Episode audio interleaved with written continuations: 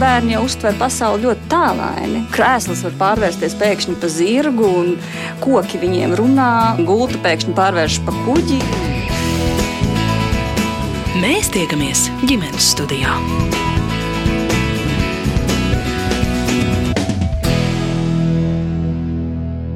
Labdien, un esiet sveicināti ģimenes studijā. Šodien mūsu ciemos braucamais ceļš, ko ierasti mērojam piekdienās, ved uz Jēlgavu. Tur es, Agnese Linka, dodos iepazīties ar Kručīņinu ģimeni. Lai arī jau vairākus gadus dzīvo Jēlgavā, Dana un Oļeks atzīst, ka abi sirdī jūtas dzimtajiem līvāniem piederīgi. Viņi ir kopā no vidusskolas sola, kaut pazīstami jau kopš bērna kājas, kad kā Dana joko, Oļeks viņu pievilinājis ar savu akvāriju un lego klucīšu spaini. Tagad abi audzina trīs puikas, zēniem pie tam ir diezgan maza vecuma starpība.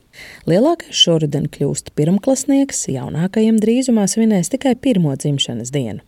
Oļegs darbojas zemesardzē, bet Dana brīvos brīžos labprāt pati remontē un dekorē dzīvokli, un bez problēmām nomainīs pat kanalizācijas cauruli virtuvē. Vēl kručiņiem ir mājdzīvnieks Tarantula. Arī par to un vēl daudz ko citu šai sarunā, ko kā alaži sākam ar iepazīšanos. Mani sauc Oļegs Kručīns, esmu būvinženieris, patīk sports. Īsumā laikam tas būs arī viss par mani. un zemesardze, vai ne? Bet uh, es esmu Dana, man ir 31 gads. Agrāk strādāju ministrijā, labklājības ministrijā par ārzemju adopcijas jautājumiem, ar dzimumu līdztiesību.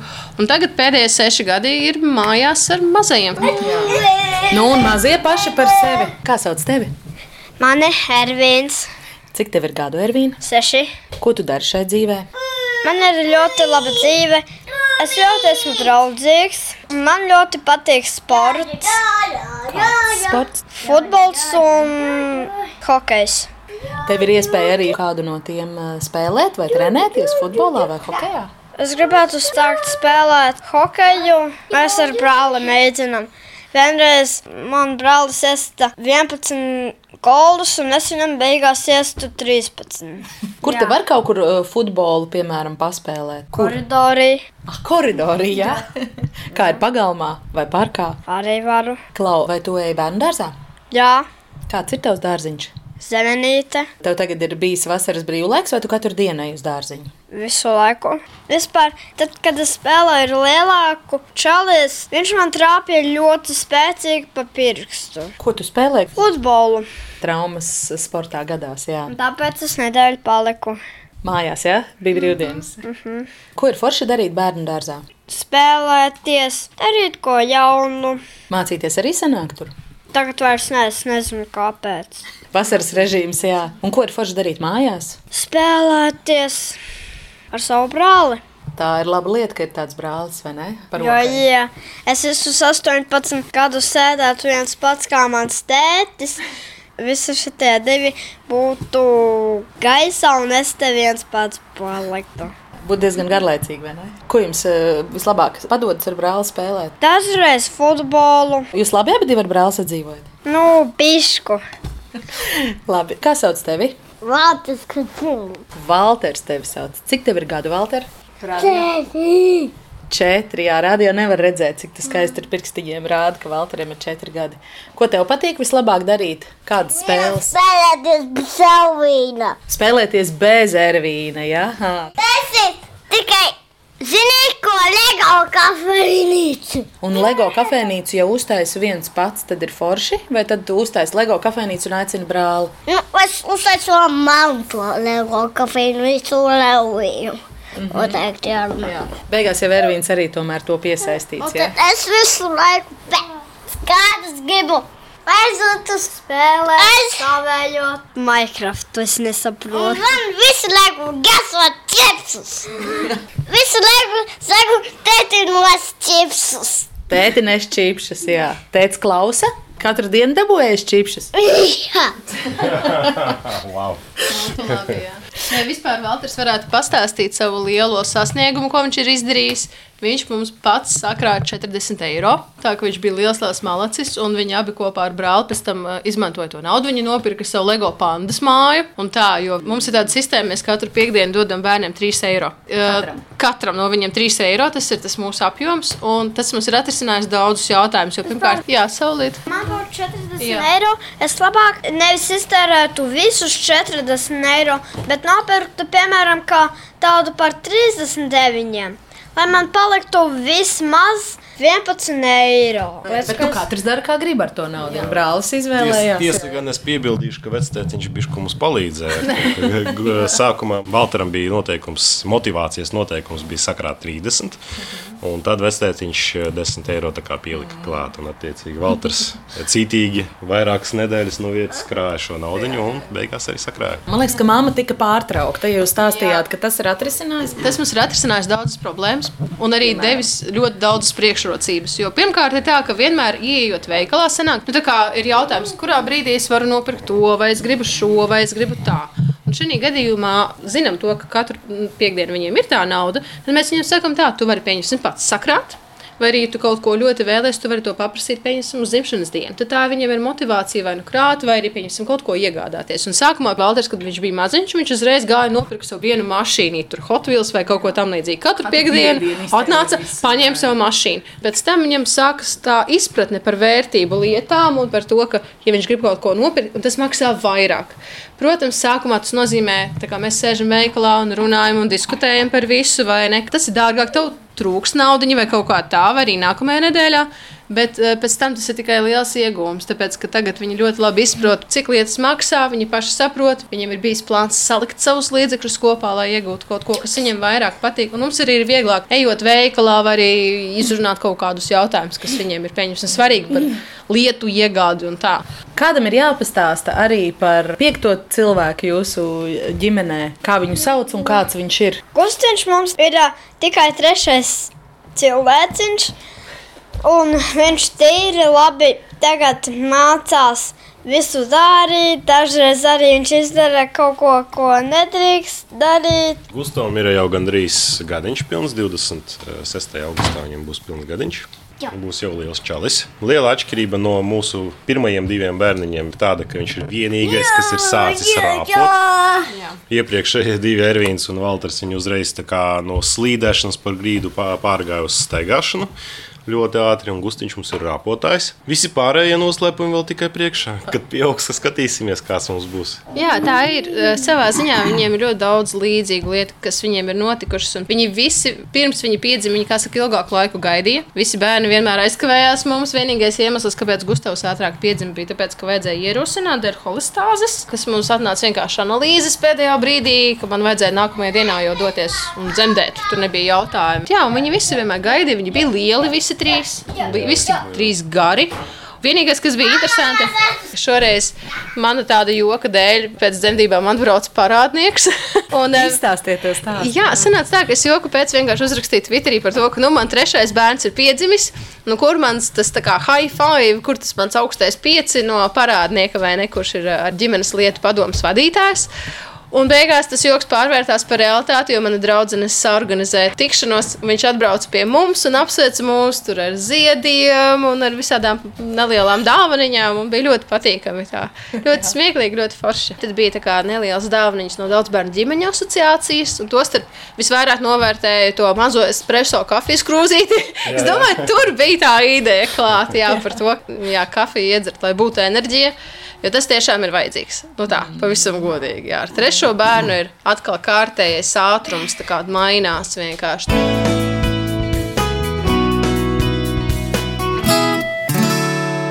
Trīs bērni, visi puikas un diezgan maza vecuma starpība.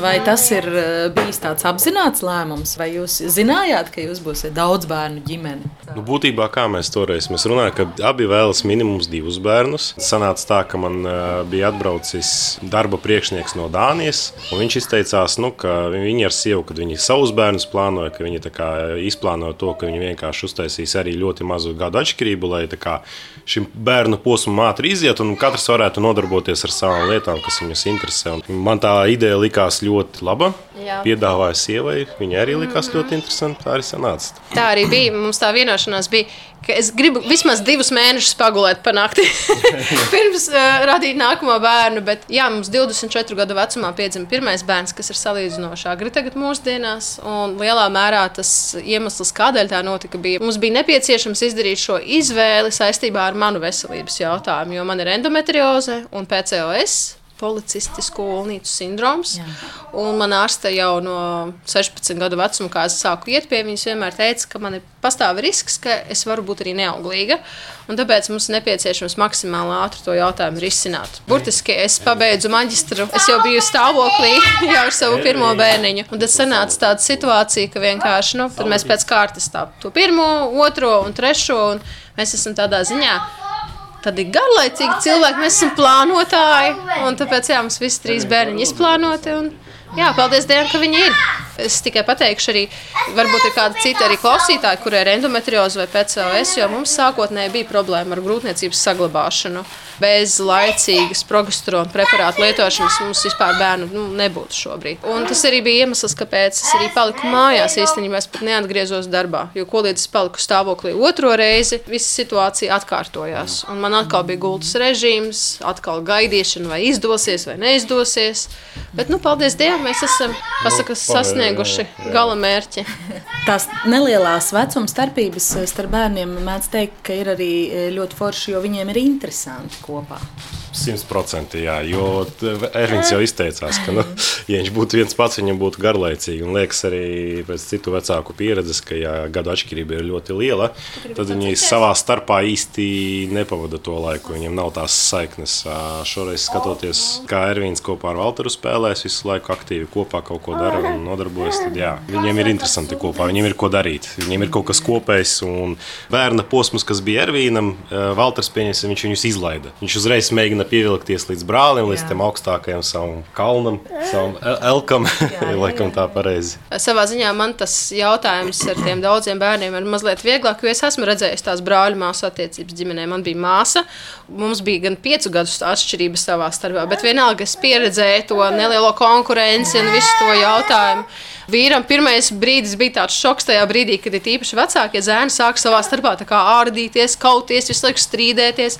Bet tagad mēs jau esam pieraduši pie tā jautājuma. Un, jo, protams, viņu labāk izlavieriet cauri, bet vienalga brīžiem tas, jā, tas rada bišķiņu galvas sāpes, ja godīgi, kā to pareizi atrisināt, atrast to, to līdzsvaru. Jā.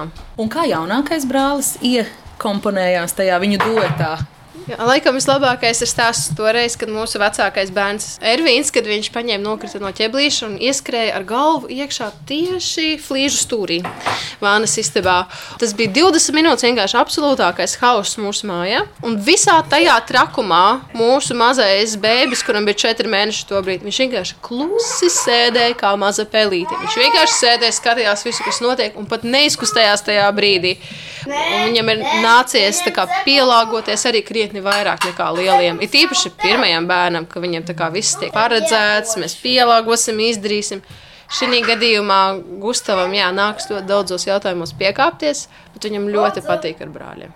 Tas ir milzīgs pluss. Mums tā kā mājās mājās. Bet tāpat laikā bērni ar nelielu gadu starpību ir arī baigās lodzīt, īpaši tam, kurš paliek mājās. Jūsu gadījumā tā ir mamma. Jā, Man ir ļoti liels pluss tāds, ka man lielie bērni ir dārziņā. Un saistībā ar to, ka man bija gultas režīms, kad es paliku stāvoklī arī ar otro bērnu, mēs pieprasām no mūsu plāna, ka es būšu mājās ar abiem bērniem, kuriem būs neliela starpība. Nonācām situācijā, ka vīrs ir darbā, un es viena nedrīkstu cilāt neko, un man ir gads un trīs vecs bērns. Tāpēc nācās ievietot mazo maidārziņā uz tām pāris stundām dienā. Tas gāja sarežģīti, jo laikam mentāli es pieņemsim personīgi nebiju tam gatavojusies, ka tas tā notiks.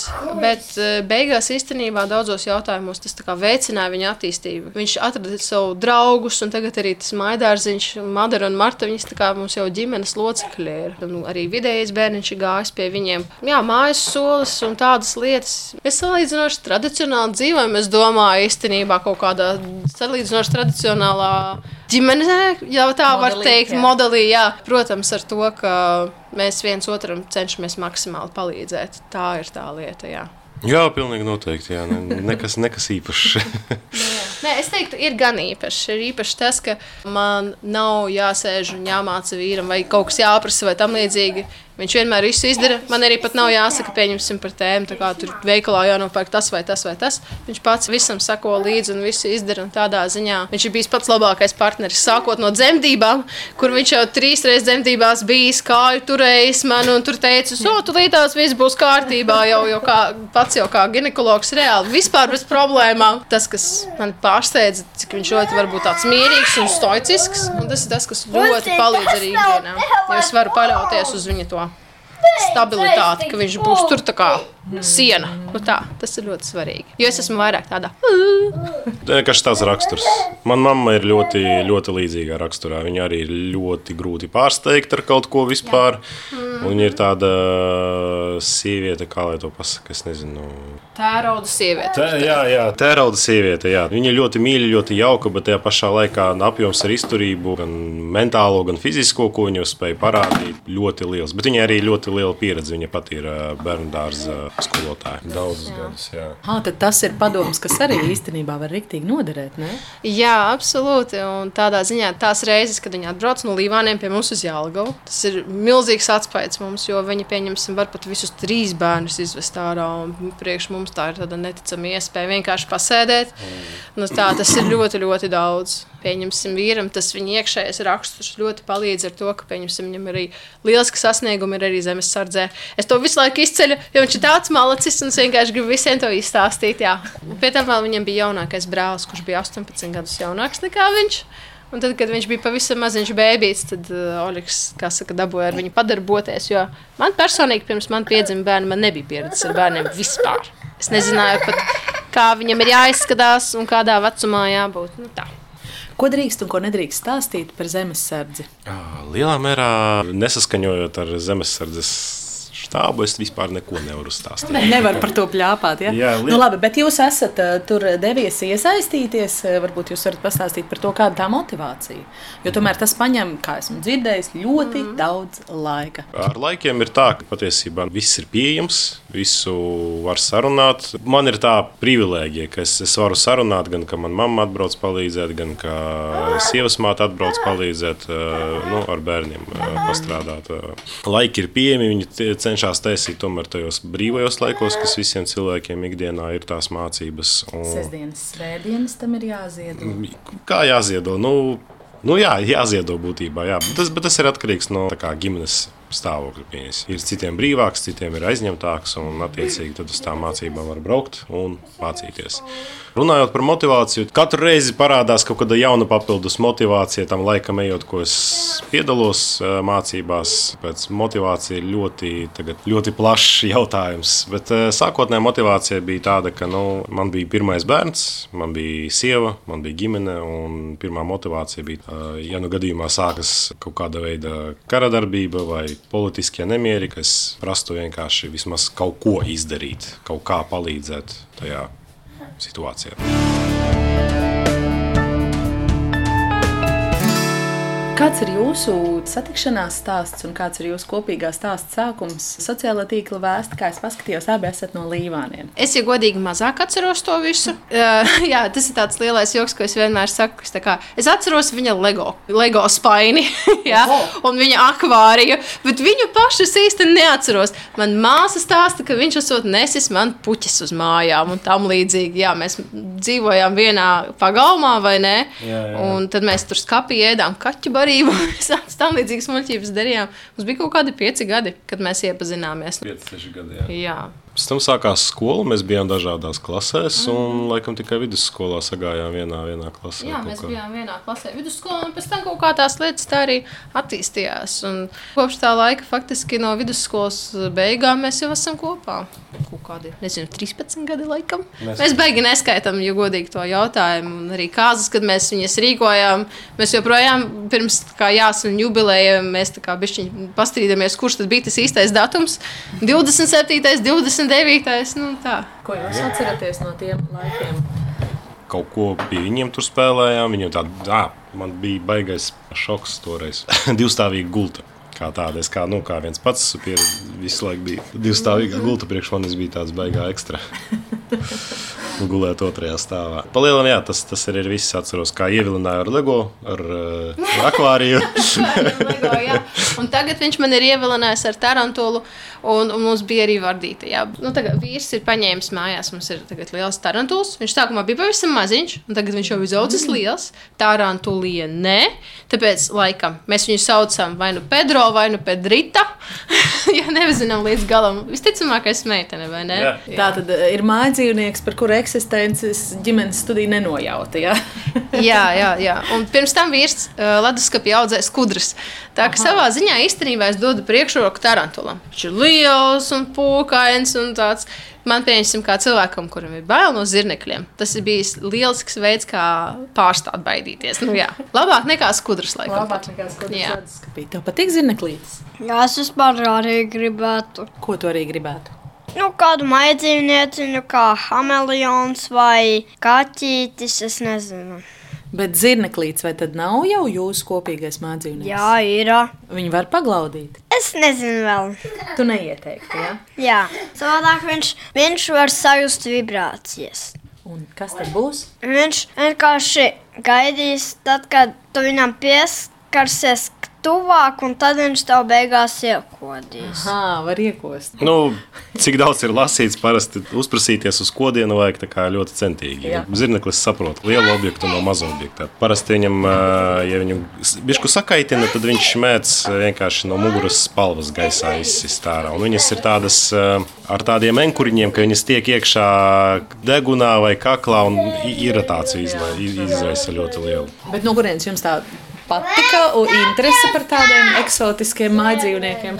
Nezinu, droši vien no tēta. Tētim bija akvārijas. eh, Nu, toreiz eh, bērnībā viņam bija akvārijas. Un vispār dzīvnieki kā tādi man vispār ir interesējuši.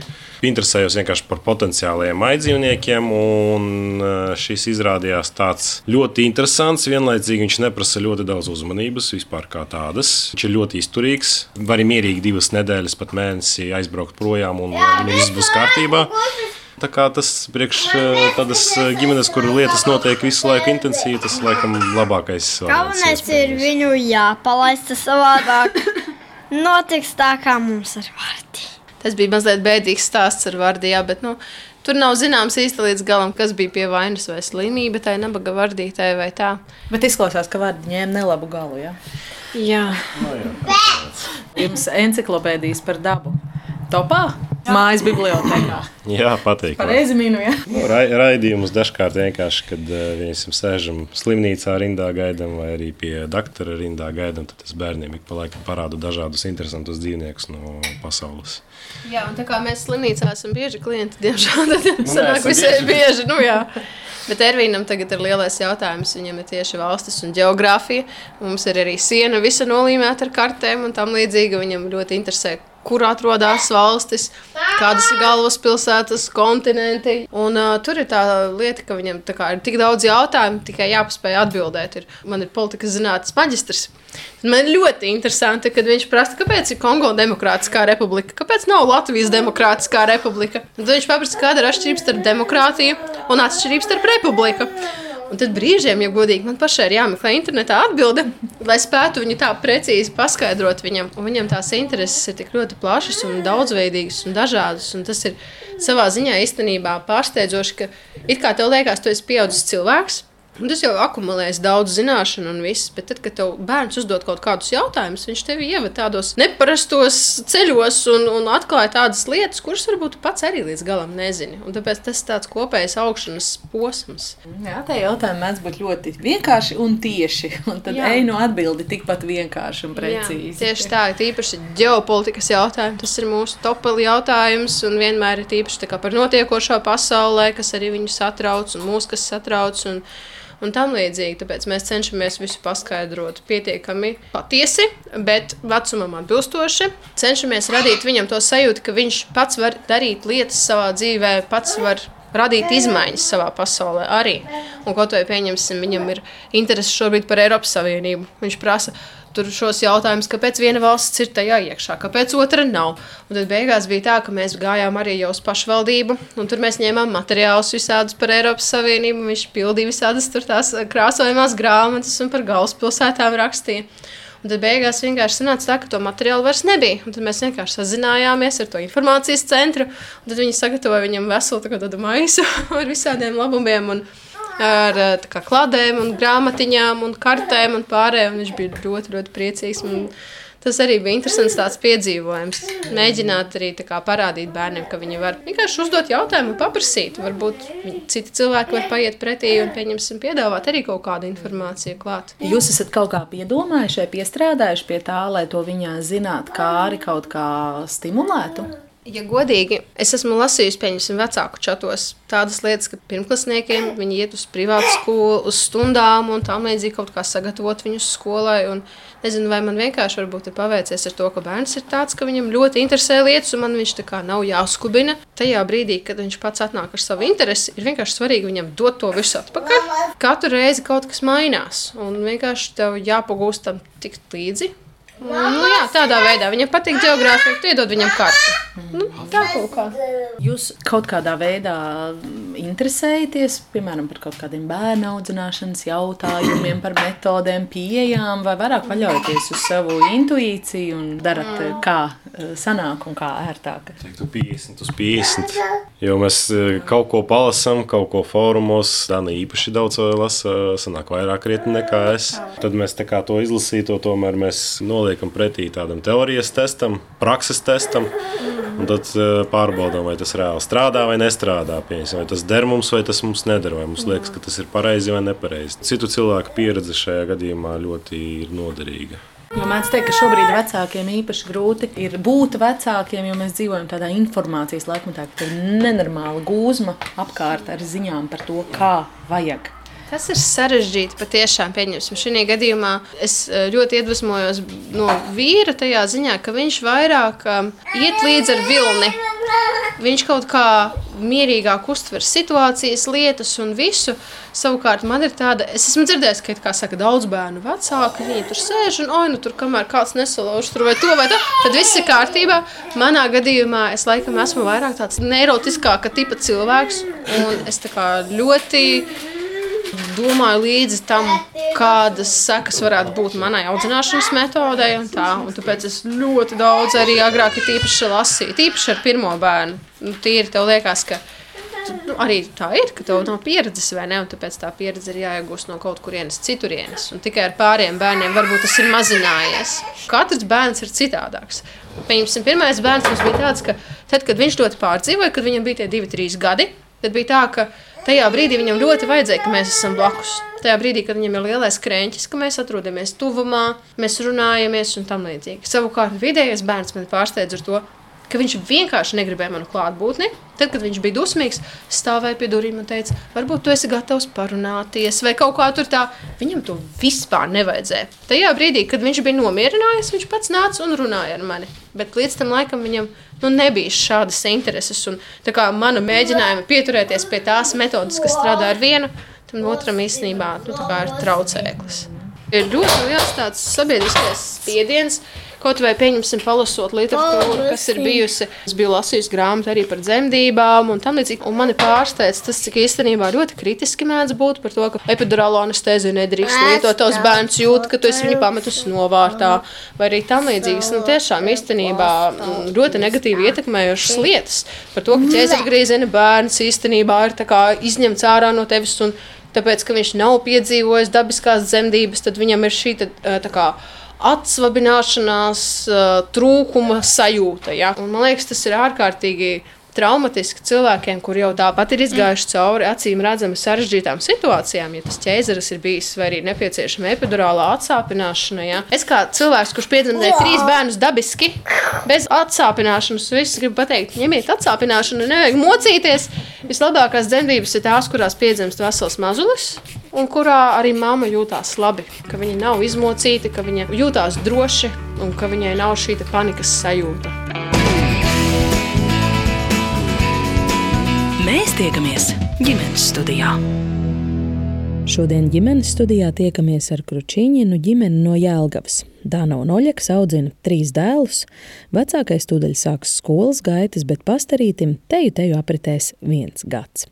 Izskanot viņu izvēlētai mūzikai, atsākam sarunu par to, kā Kručīņini no līvāniešiem kļuvuši par Jēlgavas iedzīvotājiem.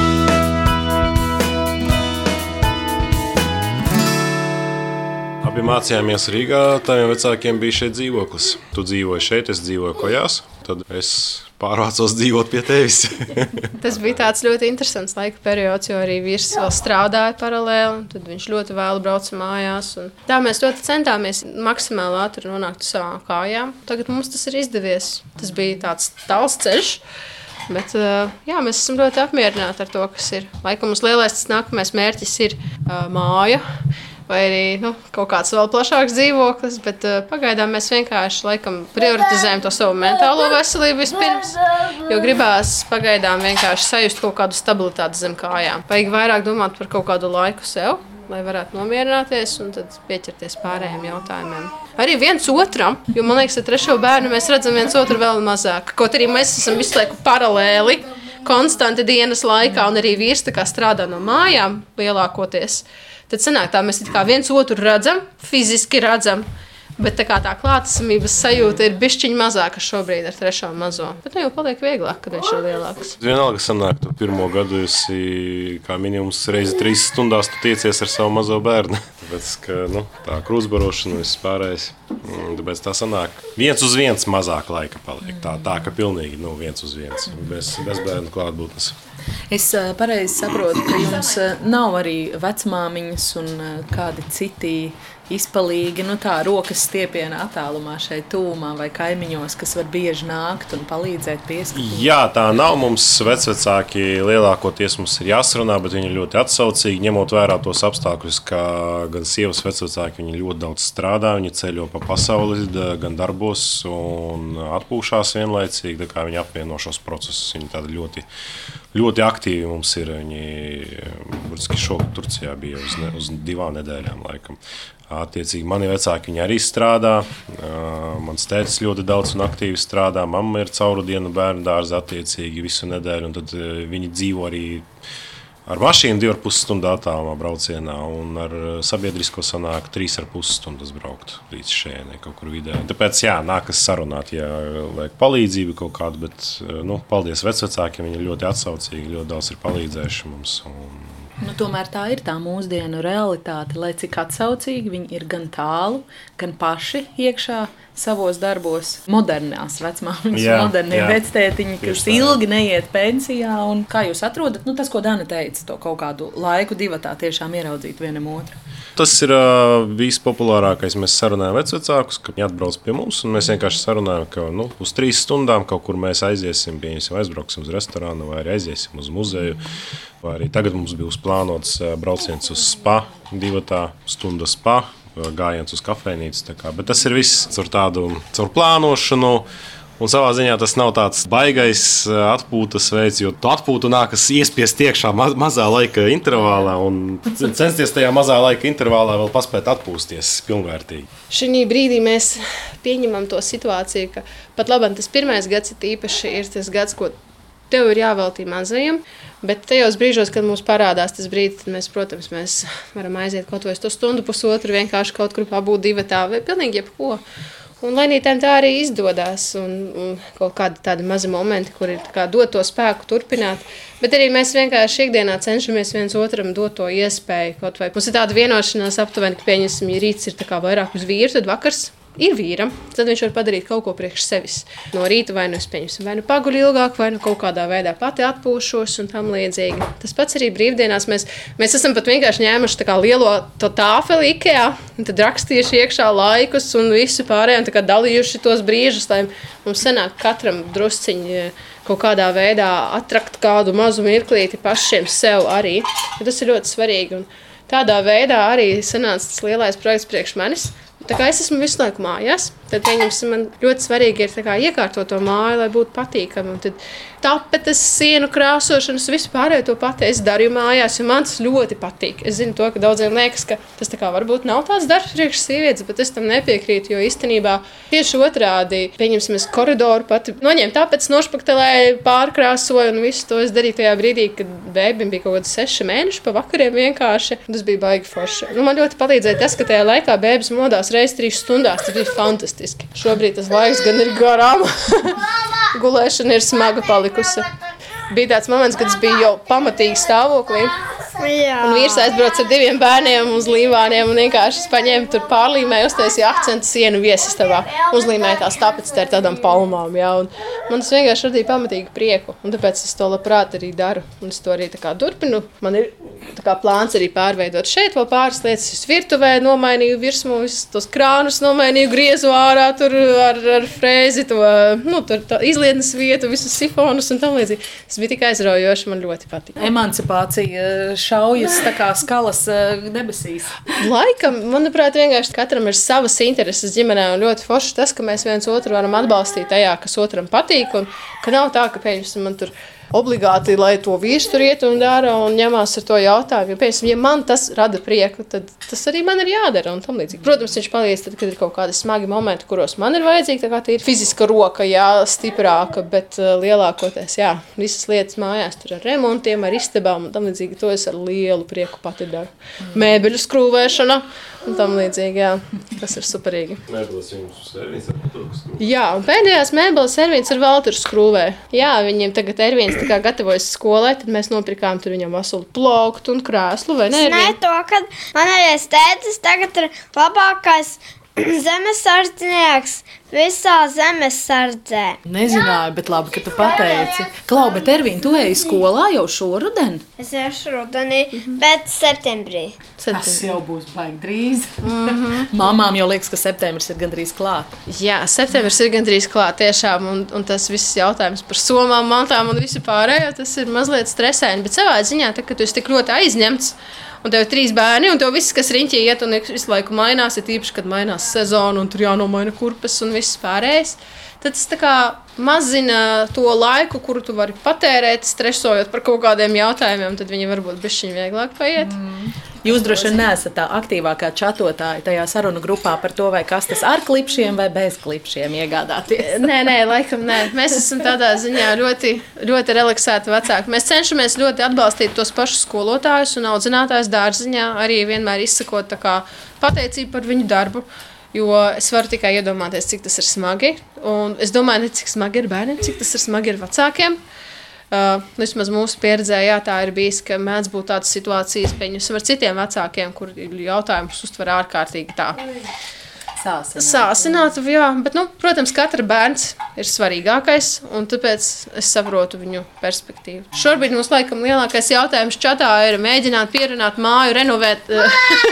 nu, tā, bet, pat labāk kaut kā tā lēnāk tas jautājums iet saistībā ar Eiriboru jautājumiem un tam līdzīgi cilvēki mazliet. Uh, piesardzīgāk jā, skatās uz to lietu. Jā. Bet tagad jūs sevi uh, dēvējat par tādiem īstiem jēlgavniekiem. Jūs tā jūtaties, kas ir tagad jau šie ienieši? Nē, pilnīgi noteikti nē. Nē. nē. nē. Es domāju, nē, es jūtos sirdī tiešām kā latgaliete. Kaut arī īstenībā nu, mums ir, nu, kā, vismaz man ir maz rādu īstenībā no Latgales tā, tā kā no Latgales, Latgales pašai saknes. Bet jā, es jūtos kā latgalieta, un tāpēc man ir interesanti kā, dzīvot vairāk latviskā vidē Jelgavā, jo tas ir, nu tā, kaut kas jauns priekš manis, jā. Kā ārzemēs, jā? Mazliet kā ārzemēs, jā, var tā sacīt, jā. Bet, tā. Bet interesanti, jo īstenībā Jelgava bija manu vecvecāku dzimtā vieta. Nu tā. Tāpēc nav īsti tā, ka es esmu svešiniece, bet nodzīvojusi 17 gadus Latvijā. Es jūtos tomēr kā līvānieti, kā latgalieti joprojām. Jā. Mhm. Tāpat. Jā, Līvāni. Jā, vienmēr sirdī. Mm. Tomēr gribu vaicāt par Jālgavu, kāda ir uh, daudz bērnu ģimenes dzīve šeit, uh, kā tā ir piemērota uh, jums, kādas ir iespējas. Jūs vairāk kārt pieminējāt dārziņu, bet māju dārziņu, kas laikam ir privāts pasākums, jā, jūs neesat izvēlējušies pašvaldības pakalpojumu. Jā, ar pašvaldības pakalpojumiem ir tā, ka līdzīgi tā kā cita vieta, es domāju, ir problēma ar rindām. Par to, ka, Ne vismaz tikai Jālgavā. Nē, mums Jālgavā bija jāgada aptuveni trīs gadi. Aptuveni, ne pat vairāk, ak, Dievs, nē. Ervīns tika dārziņā, valsts dārziņā tikai, kad viņam bija pieci gadi īstenībā, jā. Pašvaldības dārziņā. Pašvaldības dārziņā, pašvaldības precīzi, nevis valsts, bet pašvaldības dārziņā. Tā ir klasiska kļūda, jā, taisnība. Nu, lūk, un pēc tam vidējais bērns tika pašvaldības dārziņā, kad viņam bija trīs gadi. Uh, bet uh, jā, tagad jaunākajam bērnam ir prioritāte, un viņš var tikt uzreiz. Tā, bet tā ir liela problēma, daudzi tīpaši tie, kas atbrauc un pieņemsim, pēc tam ir deklarējušies šeit, tā, tā ir liela. Liels izaicinājums, bet ir uzbūvēts jauns dārziņš. Bet vispār Jālgavā jā, ir atbalsts daudz bērnu ģimenēm visai liels, gan uz pulciņiem un tam līdzīgi. uh, Tīri finansiāli, jā. Tas ir jūsu Ah, jā, to var izjust. Tā, tas ir tādas nelielas lietas, kas kā kopā akumulējas. Bet lielākoties tas tā kā no valsts puses atbalsts, tas ir tāds visplašākais. Un tādā ziņā tā trešā bērna ienākšana ģimenē ir bijusi vien, nu, tā kā atvieglota. Vajag vienkārši pašiem sekot līdzi un interesēties un pārējo darīt. Jo nav gluži tā, ka kāds tur skrien līdzi un saka, lūdzu, paņem. Bet arī, jā, es, es jūtu to, ka ir vieglāk, vai ne? Kaut vai par to pašu elektrības jautājumu tagad, es domāju, visiem ir aktuāli. Mums ir atlaide autotehniskās, nu tās visas tādas. Daudz. Es, es līdz Rīgai un atpakaļ aizbraukt, ne, līdz Turībai un atpakaļ ar elektrovilcienu es varu aizbraukt par 2,10 eiro. Uz pusi laikam lētāk. Nu, nežēlīgi lēti vienkārši. Ņemot vērā, ka man turpat dara arī darba vieta, 10 minūšu attālumā vispār ideāli sanāk. Visas lietas, kas saistās ar, ar, ar nodokļiem, ar valsts iestādēm, ar pašvaldību iestādēm, viss, viss lētāk. Daudzas arī vietas, kur ir bērnu izklaides, kaut kādas eh, vietas arī piedāvā kaut kādas atlaidītas. eh, Mākslas Daudz muzejā mēs nesen bijām. Ne, man vairāk jautājums bija tieši par Jālgavu, par šo pilsētu. Vai šeit jūs jūtaties, ka ir ērti un forši kā ģimenei ar maziem bērniem? Vispār, jā, te ir viss, vispār ļoti daudz vietas, kur aizbraukt, atpūsties ar bērniem, gan vienkārši vakaru pavadīt. Ir atja- atjaunoti laukumiņi, ir tās rotaļvietas, smilšu kastes, kalniņi, šūpoles, un tās variācijas ir daudz un dažādas. ā, Sakārtot ārtālu. Jā, ļoti sakārtots. Tiešām pat ļoti redzams vizuāli šo, cik mēs te gadus dzīvojam. Nu, pieņemsim, desmit gadu garumā, ko mēs šeit esam jau pavadījuši, var redzēt, ka nu, tas uzplaukums ir teiksim, tā, gan atpūtas vietā, gan nezinu, pilsēta izskatās. Jā. Labi, smuki sakopta, kaut kādas lietas parādās, interesantas, un tā pasta salas labiekārtošana, visi viņi ir nu, ļoti daudz, kas tur ir ieguldīts, izdarīts vispār. Nu, forši tiešām. Jā, noteikti. Jebkurš var atbraukt Jālgavā un atrast kaut ko, ko izdarīt kopā ar bērniem. Tas pavisam noteikti. Un arī, kas ir labi, pieņemsim daudz bērnu ģimenēm, šeit ir ļoti aktīva daudz bērnu ģimeņu asociācija. No daudz bērnu ģimeņu labklājības saruna atkal aizvērsās pie Kručīņinu ģimenes vecākā dēla Ervīna, kurš drīz uzsāks skolas gaitas. Kā atklāja tētis, vēl būdams sešus gadus vecs. Sanāk, mums servīns ir decembrēns, un viņam ir šogad būs tikai septiņi. Tā kā viņam vēl joprojām ir seši, un gada beigās ir septiņi.